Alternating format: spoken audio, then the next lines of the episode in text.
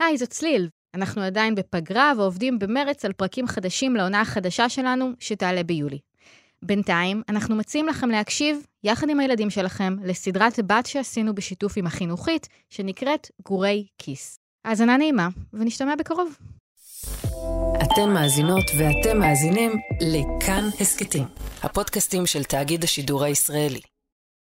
היי, אני שאול אמסטרדמסקי ואתם מאזינים לגורי כיס, הפודקאסט של כאן חינוכית על כלכלה. היי צליל אברהם. היי, שאול אמסטרדמסקי. צליל, רציתי לשאול אותך משהו. איך ידעת שאת רוצה להיות עיתונאית? האמת שכשהייתי נערה אהבתי לקרוא את כל העיתונים כל שבוע, וחלמתי שיום אחד גם אני אוכל לכתוב בעיתון. איך אתה ידעת שאתה רוצה להיות עיתונאי? אז האמת שלא ידעתי, ואף פעם לא חלמתי להיות עיתונאי, בכלל לא קראתי עיתונים. בכלל, עבדתי במשרד האוצר, ותכננתי להיות כלכלן, כשבטעות אימא שלי מצאה מודעה בעיתון שאמרה שמחפשים אנשים שמבינים בכלכלה לעבוד באיזה עיתון חדש. אז הלכתי למבחנים, ואחרי שבועיים הודיעו לי שהתקבלתי. וככה, לגמרי במקרה, התגלגלתי להיות עיתונאי. והאמת היא שהרבה פעמים אנשים לא באמת עובדים במה שהם חלמו שהם יעבדו כשהם היו ילדים קטנים. הנה, תשמע למשל את הסיפור של מגישת הטלוויזיה והרופאה, דוקטור הילה קורח.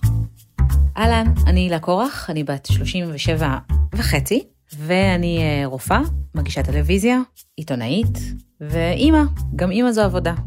תמיד קינאתי באנשים שידעו מאז ומתמיד מה הם רוצים לעשות, אני אף פעם לא הייתי כזאת.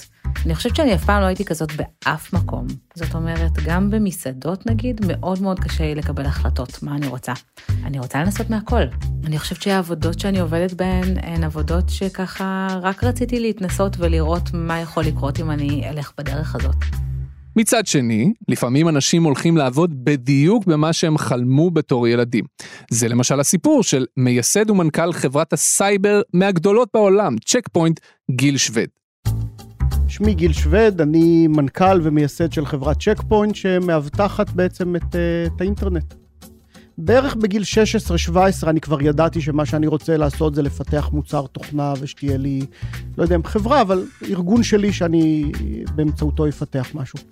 עסקתי במחשבים מגיל 10, כבר מגיל 12 עבדתי בזה, מגיל 14 זה כבר היה עבודה קבועה, זאת אומרת הייתי עובד מסודר, וכל הזמן ניסיתי ללמוד מה אני יכול לעשות עם זה, קראתי ספרים על יזמים, ודי מהר הבנתי שזה מה שאני רוצה לעשות, לפתח משהו, זאת אומרת ליצור ו- ושזה יהיה שלי.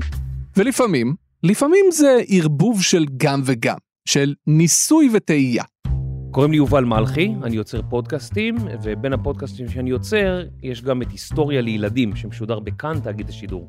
אני בחיים שלי עבדתי במיליון עבודות, עבדתי בחנות פיצה, עבדתי כמה שנים במפעל, ארזתי קרטונים כל היום, זאת אומרת, עשיתי המון המון עבודות, עד שהגעתי לאיזושהי עבודה שעניינה אותי. וגם לקראת העבודה הזאת צברתי ניסיון ולמדתי קצת באוניברסיטה, ואז אתם מגיעים לעבודות, אתם יכולים לבחור. אז הרעיון הוא שיהיו לנו הרבה כלים, יהיה לנו ארגז כלים כזה מאוד גדול, שנוכל אנחנו לבחור מה אנחנו רוצים לעשות. אז השבוע בגורי כיס, איך יודעים במה ללכת לעבוד? השאלה איך יודעים במה ללכת לעבוד חזרה על עצמה בשיחות שעשינו עם כל מיני ילדים.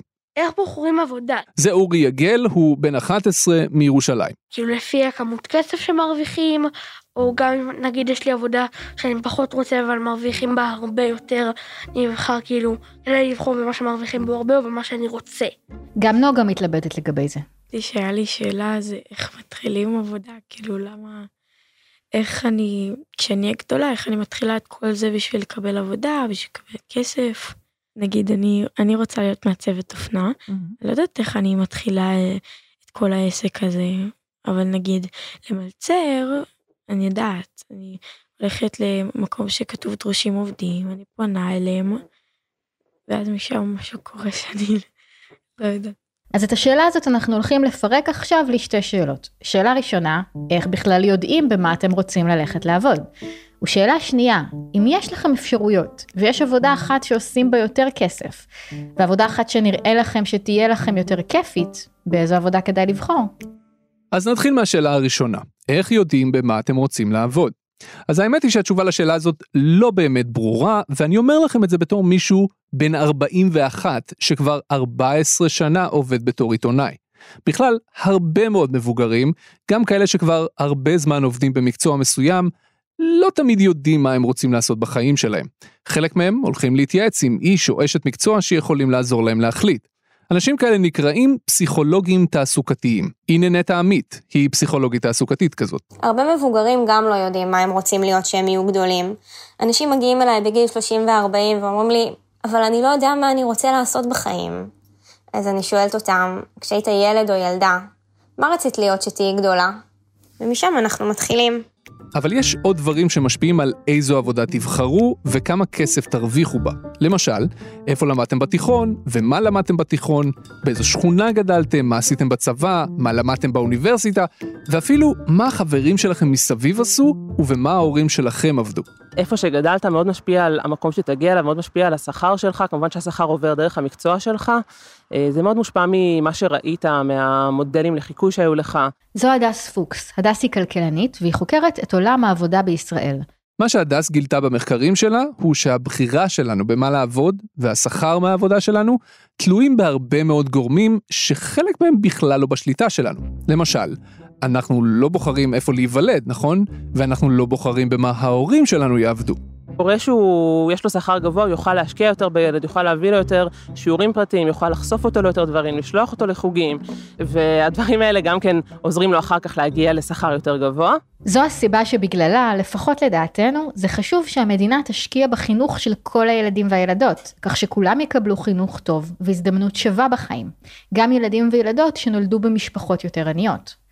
ועדיין, הדס אומרת שבישראל הסיכוי של ילדים שנולדו במשפחות עניות לטפס למעלה בסולם החברתי ובסופו של דבר להרוויח יותר מההורים שלהם ולחיות ברמה יותר גבוהה, הסיכוי הזה גבוה בישראל יותר מאשר במדינות אחרות. אם אנחנו מסתכלים על באמת מה הסיכוי של ילד להיות עם שכר יותר גבוה מאשר שכר ההורים, בישראל הסיכוי הזה יותר גבוה, זה גם קשור לזה שאנחנו מדינת הגירה, יש פה המון עולים, כולנו יכולים לחשוב על uh, עולי ברית המועצות, שבאמת ההורים היו מאוד משכילים, והיו עם uh, מקצועות חופשיים, רופאים, מהנדסים, והגיעו לארץ ועבדו בשכר נמוך, וילדים שלהם בעצם גם כן לומדים הנדסה וכולי, והשכר שלהם יותר גבוה, זו הדוגמה הקלאסית, אבל זה נכון גם לעולים אחרים. Uh, מהצד השני יש לנו את העולים מאתיופיה, אתיופיה, שההורים באמת הגיעו עם כישורים מאוד נמוכים, הרבה מהם לא יודעים אה, לקרוא ולכתוב. ועדיין אנחנו רואים שהילדים של אה, העולים מאתיופיה במצב הרבה יותר טוב מאשר ההורים שלהם. ועכשיו לשאלה השנייה. נגיד שיש לכם אפשרות בחירה, ללכת על עבודה שאתם ממש ממש רוצים לעבוד בה, אבל היא לא משלמת הרבה כסף, או ללכת לעבוד בעבודה שלא נראית לכם יותר מדי מעניינת, אבל היא כן משלמת הרבה כסף. במה תלכו לעבוד? אני לא מכיר הרבה אנשים שעובדים רק בשביל הכסף. אני חושב שרוב האנשים שמצליחים בחיים, כמעט כל האנשים שאני פגשתי, ופגשתי הרבה אנשים שמאוד מצליחים ואפילו מרוויחים הרבה מאוד, עושים את הדבר שהם באמת מאמינים בו ואוהבים אותו, וזה התשוקה שלהם. צריך להבין מה זה התשוקה. התשוקה לפעמים לעבוד עם אנשים, התשוקה זה לפעמים אה, למכור דברים, התשוקה זה ליצור, אצלי זה מאוד ליצור. עכשיו השאלה איך אתה מתרגם את זה לדברים שאפשר גם אה, להרוויח מהם יפה. זו שאלה מעולה, והאמת היא שהרבה מאוד אנשים נמצאים מול ההתלבטות הזו בהרבה רגעים בחיים שלהם. לפעמים, אנשים מצליחים למצוא עבודה שמשלבת את שני הדברים האלה. גם לעשות משהו שהם אוהבים ונראה להם מעניין, וגם לעשות הרבה כסף. אבל לפעמים זה לא ככה. אז איך יודעים במה לבחור? אני חושבת שאין לשאלה הזאת תשובה ברורה אחת, אבל הנה מה שאנחנו יודעים. ככל שאתם יותר צעירים, כך יהיו לכם יותר אפשרויות, פשוט לנסות ולראות. כלומר, אם למשל הרגע סיימתם את הלימודים באוניברסיטה, ואתם בני 24 או 25 או משהו כזה, סיכוי לא רע שעדיין לא התחתנתם ועדיין אין לכם ילדים, ולכן בשלב הזה, גם אם תבחרו בעבודה שאתם מאוד אוהבים, אבל היא לא משלמת הרבה כסף, זה לא כזה נורא. אתם צריכים לפרנס רק את עצמכם בשלב הזה, ולא יקרה שום אסון אם אחרי שנה תתפסו את הראש ותגידו לעצמכם, אוקיי, העבודה הזו נורא מעניינת אותי, אבל אני לא באמת יכול לחיות ממנה. או אגב, בדיוק ההפך, זאת העבודה הכי מעניינת בחיים, ולא אכפת לי שאני לא עושה ממנה מספיק כסף, אני כבר אמצא את הדרך להסתדר. לפי סקר עולמי שנערך לפני כמה שנים על ידי חברה בשם מרסר, מסתבר שלעובדים במדינות שונות יש דברים שונים שחשובים להם כשהם בוחרים עבודה. למשל, בארצות הברית, באנגליה ובגרמניה, הדבר הכי חשוב לעובדים היה הכסף שהם הרוויחו בעבודה שלהם. במדינות אחרות כמו סין, הודו וברזיל, הכסף הגיע רק למקום השני. העובדים והעובדות במדינות האלה אמרו שהם בוחרים עבודה לפי אפשרויות הקידום שיש בה. בישראל אגב, לפי סקר אחר שערכה הלשכה המרכזית לסטטיסטיקה לפני כמה שנים, יצא שכמעט כל העובדות והעובדים פה, 87 אחוז, זה באמת כמעט כולם, אמרו שהם מרוצים מהעבודה שלהם בכל המקצועות. מה שכן, יש פה משהו מעניין. אם המנהלת או המנהל בעבודה לא משהו, יוצא שהרבה פחות אנשים מרוצים מהעבודה שלהם. כלומר, אפילו אם הם כבר בחרו בעבודה שמעניינת אותם, ואפילו אם הם מרוצים מהשכר שלהם, אם יש להם מנהלת או מנהל שלא נעימים להם, אז רק 60% מרוצים מהעבודה שלהם. כלומר, חצי מהעובדים שהמנהלים שלהם לא משהו, לא מרוצים מהעבודה שלהם. וזה מראה לכם כמה זה חשוב למצוא מקום עבודה טוב עם אנשים טובים, ולא רק מקצוע שמתאים לכם. הנה מה שחושבת על זה הפסיכולוגית התעסוקתית, דוקטור הדס בן סירה רוטמן. יש כל מיני סיבות שבגללן אנשים עשויים לרצות לעזוב את מקום העבודה. לפעמים זה קשור לתנאים, לשכר, לשעות העבודה ואפילו למרחק מהבית. לפעמים זה קשור לסביבה החברתית. האם נעים לי ונחמד לי לעבוד עם האנשים במשרד, עם האנשים בצוות, ולפעמים זה קשור לתוכן של העבודה, ואנשים שואלים את עצמם, האם העבודה שלי עדיין מעניינת ומאתגרת ומסקרנת, או שאנחנו רוצים לעשות משהו אחר שמעניין אותנו יותר. מה שכן, אם אתם רוצים כבר עכשיו לגלות כמה כסף מקבלים על כל עבודה, יש לכם דרך לדעת. משרד העבודה והרווחה הקים מאגר מידע שקוראים לו עבודתה. אם תיכנסו אליו באינטרנט, תוכלו למצוא תשובה לשאלה הזאת. הנה כמה דוגמאות. מורה בבית ספר משתכרת בממוצע 10,000 שקלים בחודש. מנהלת חנות מכולת משתכרת בממוצע 15,000 שקלים בחודש. ביולוגית, כלומר מדענית שמתעסקת בביולוגיה, משתכרת בממוצע 16,000 שקלים בחודש. מהנדסת כימיה אגב, השכר הממוצע שלה קצת יותר גבוה, כמעט 18,000 שקלים בחודש. ויש גם אנשים שמשתכרים פחות מזה. ספרנית תשתכר בממוצע 6,000 וקצת שקלים בחודש, גם ספרית תשתכר בממוצע את הסכום הזה, קצת יותר מ-6,000 שקל בחודש, אלא אם כן המספרה בבעלותה, ואז זה יותר. עכשיו כל הנתונים האלה שסיפרנו לכם עליהם לפני שנייה, כמה כסף מקבלים בכל עבודה, הנתונים האלה הם נתונים ממוצעים. מה זה אומר? זה אומר שלקחו למשל את כל המורות והמורים, בדקו מה השכר של כל אחד ואחת, חיברו הכל ביחד וחילקו במספר של כמה מורות ומורים יש בישראל. זה נשמע מסובך, אבל זה לא כל כך. התוצאה היא השכר הממוצע של מורה או מורה. אבל זה בדיוק הקטע. אין המון מורות או מורים שהשכר שלהם הוא בדיוק בדיוק המספר הזה. זה רק ממוצע.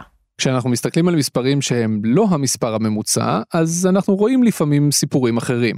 וזה בדיוק מה שקורה בסיפור של שכר, של כמה כסף אנשים מקבלים על העבודה שלהם. אם ניקח למשל דוגמה של רופאות ורופאים, אז הנתונים יראו לנו למשל שהשכר הממוצע של רופאים גברים הוא יותר גבוה מהשכר הממוצע של רופאות נשים. זה לא קורה רק אצל רופאות ורופאים, זה קורה כמעט בכל מקום. וזה מביא אותנו לשאלות של רוני. השאלה שבעצם הכי רציתי לשאול, זה האם יש עבודות שבהן יש אפליה ובנים מקבלים יותר כסף מבנות.